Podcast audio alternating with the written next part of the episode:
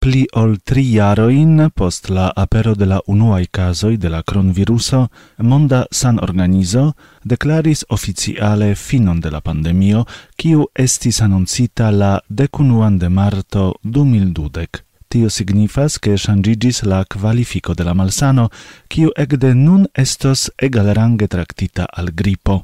La presidente de la organizo, Tedros Adhanom Ghebreyesus, declaris samtempe che aperos speciala publicajo por la registaroi, kiu helpos al ili administri la contrabataladon de la malsano post la formala agnosco de la pandemi fino. Laula agenteio APO, la coronavirus mortigis en la mondo almenau sep milionoin da personoi, sed laula directoro de la monda san organizo, tiu ci nombro povas esti multe pli alta, kai egali al pli ol dudek milionoj da personoj. Gebreisus substrekis che la pandemio dauras cae minacas alla vivo kaj sano de milionoi da homoi en la mondo.